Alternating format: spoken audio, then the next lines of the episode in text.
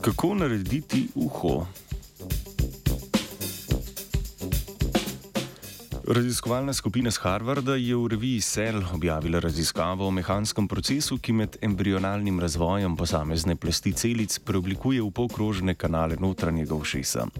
Te strukture vretenčarjem omogočajo zaznavo spremembe hitrosti in sposobnost ravnotežja.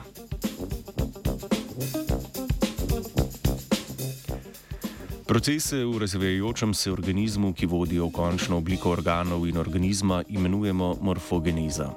Za preučevanje morfogeneze ušesnih pokrožnih kanalov je raziskovalna ekipa izbrala biologom dobro znan modelni organizem - ribe cebrice. Pri večini vretenčarjev je razvoj struktur notranjega ušesa težko opazovati, saj ga zastirata srednje in zonanje uho. Ribe cebrice srednjega in zunanjega ušesa nimajo, notranje uho pa se razvije pred zakostenitvijo lobanje. Posebna prednost pri izbiri cebric za raziskovanje na področju razvojne biologije pa so njihovi embriji, saj so prozorni. Raziskovalna skupina je tako s pomočjo mikroskopskih tehnik lahko sledila premikom posameznih celic in vsaki celični delitvi.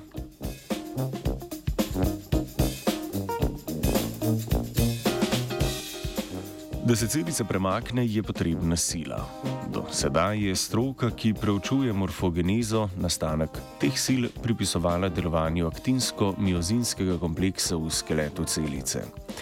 Aktinsko-miozinski kompleks je sestavljen iz dveh proteinov, aktina in miozina. Miozin je molekularni motor in v kombinaciji z aktinom tvori kontraktilno vlakno, ki premika celice pri preoblikovanju tkiv.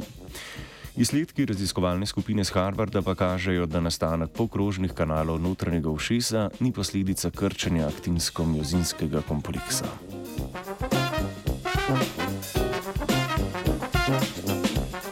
Kot osrednji mehanizem za preoblikovanje tkiva namesto tega predlagajo delovanje medceličnega prostora. V medcelično se sprošča hialuronska kislina, ki nas veže veliko število molekul vode. Povečan osmotski tlak posledično ustvari potisno silo, potrebno za premike celic v tkivu. Ker osmotski tlak celice potiska v vse smeri, je raziskovalce in raziskovalke zanimalo, kaj usmerja končno obliko tkiva.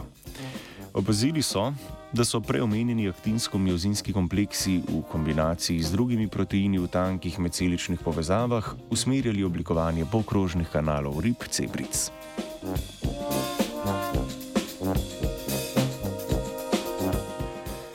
Geni potrebni za proizvodnjo hialuronske kisline v polkrožnih kanalih cebric so prisotni tudi pri sesalcih. To pomeni, da bi lahko podobni morfogenetski procesi potekali tudi pri nastanku organov sesalcev. Izsledki raziskave bi zato lahko imeli pomembne implikacije za razumevanje razvojnih motenj in področje tkivnega inženirstva.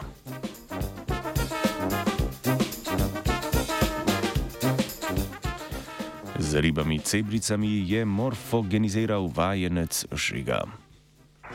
Three.